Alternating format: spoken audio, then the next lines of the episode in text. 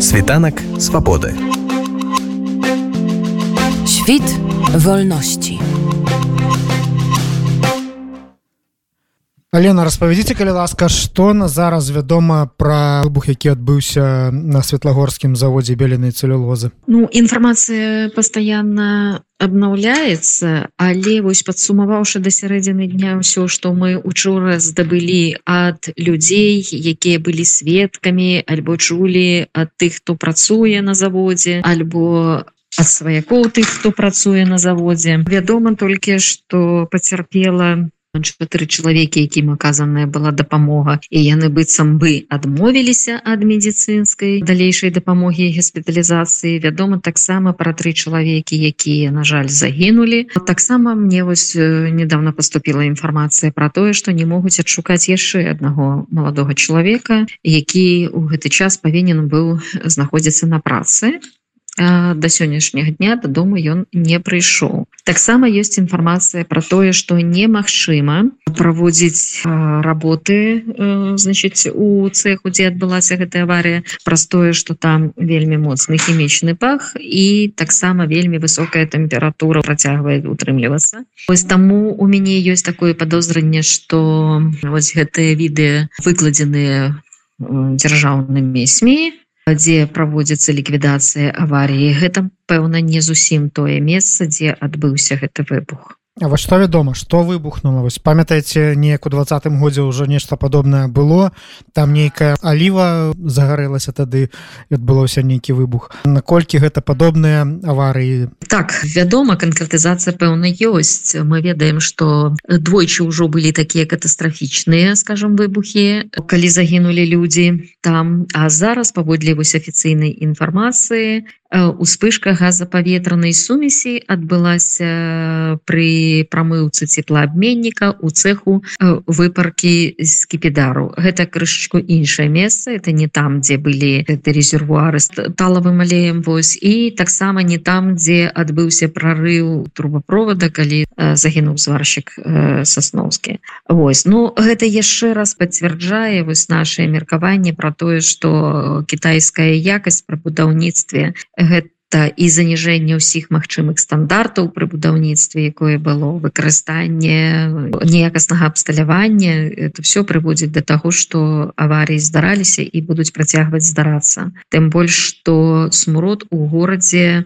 перыядычна то знікае то з'яўляецца на ноў і вось літаральна мне распавялі учора і сёння что з вечара на ноч 6 чэрвеня якраз таки перад самай гэтай аварыі. Вельмі моцныя пахі былі у горадзе адчувалася. А падчас выбуху калі адбылося людзі по-рознаму рэагавалі казалі что адчувалі пах хлора хтосьці адчуваў пах аміяка хтосьці казаў что у роце быў э, такі прысмак медзі не ведаю як працуюць рэцэптары людзей у дадзеным выпадку але тое что адбылося на заводзе гэта відавочна. Я памятаю что вы яшчэ з пачатку будаўніцтва гэтага завода можна сказаць былі так у авангардзе змагання супраць того каб ён з'явіўся светлагорску ці можете вы крыху узгадаць распавесці на падставе якіх нормаў скажем гэты завод будаваўся ці былі там нейкія выпадкі падчас яго будаўніцтва?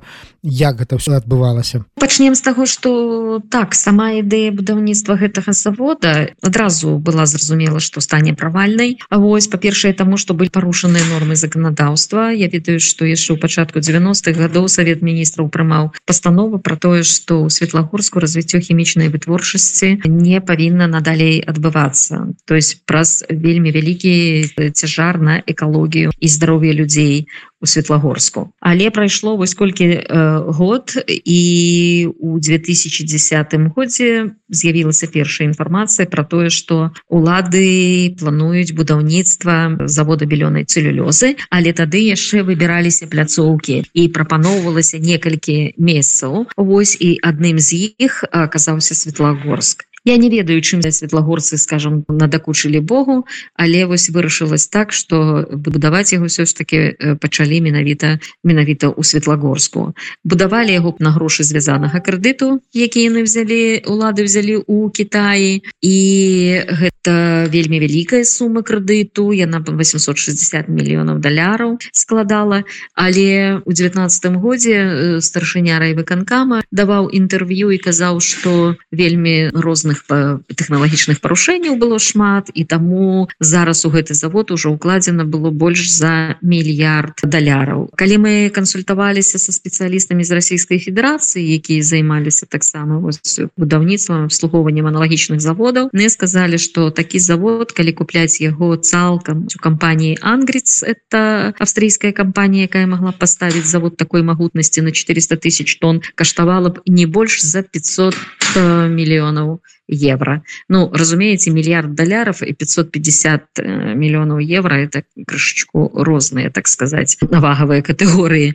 Вось э, при тым что гэтым была больш надзейная вытворчасць. У двадцатым годзе пачалося ўжо будаўніцтва і перад гэтым праводзіліся грамадскія слуханні. Менавіта тады на грамадскіх слуханнях жыхары горада высказаліся катэгарычна супраць будаўніцтва гэтага завода і літаральна за месяц сабралі больш за 10 тысяч подпісаў якія накіравалі ў савет міністраў. Перш за ўсё потым на у канцэрн беллес паперапрам в адміністрацыю прэзідэнта.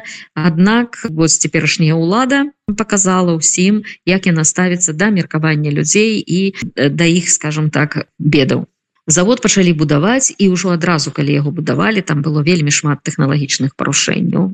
Таксама у нас была інфармацыя про тое что выкарыстоўвалі нават не новае абсталяванне а абсталяванне которое прайшло реінавацыю то есть ўжо выкарыстоўвалася потым праводзілі яго капітальны ремонт фарбавалі і перадавалі сюды на будаўніцтва. Справа ў тым что калі пачаў ужо будавацца гэты завод там былі такія умовы что не толькі грошы яны атрымалі от Китая там вельмі кабальныя умовы умовы пасля расплаты по крэдыту былі жорсткія і пачалі прыцягваць да будаўніцтва китайскіх рабочих. Вось і сапраўды пэўны час город наваднілі там ну вялікая колькасць вось выхадцаў з Китая. Прычым по знешнім выглядзе яны не нагадвалі людзей інтэлігентных і адукаваных. То есть я разумею что прывозілі просто разна рабочих скажем так. Хадзілі чуткі по горадзе что быццам бы гэта таксама нейкія там э, зняволеныя которых э, выправлялі сюды на працы каб яны працавалі. Яны жылі там у нейкіх бараках якія былі пабудаваныя прямо на тэрыторыі тэрыторыі завода ў таких антысанітарных умовах. Вакол завода было вельмі брудна а часам дасылалі адтуль фотаздымки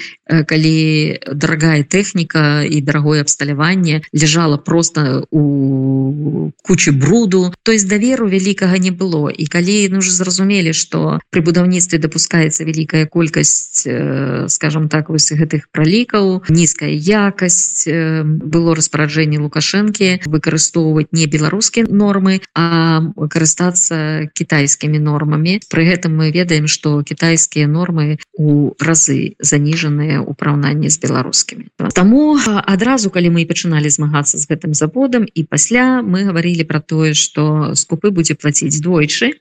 На жаль зараз ужо третий выпадак і 5 чалавек аддалі сваё жыццё.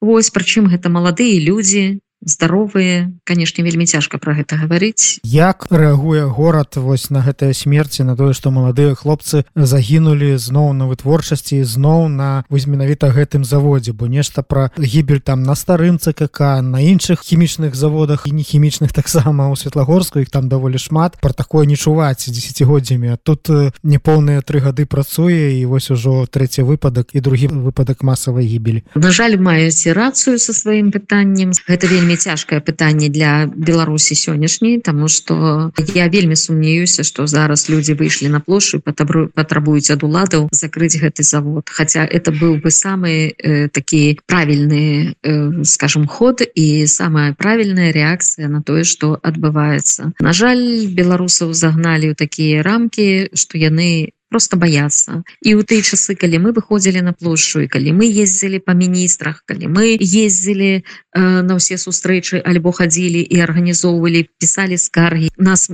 мало хто падтрымліваў і прынамсі не простое что яны былі за завод і за яго працу скажем так а простое что яны просто баяліся пазбавіцца працоўных месцаў баяліся пераследу у свой бок. І таму атрымліваецца так чым больш мы маўчым тым горш становіцца. І гэта вот яшчэ раз доказала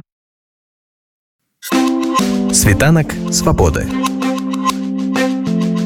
Świt wolności.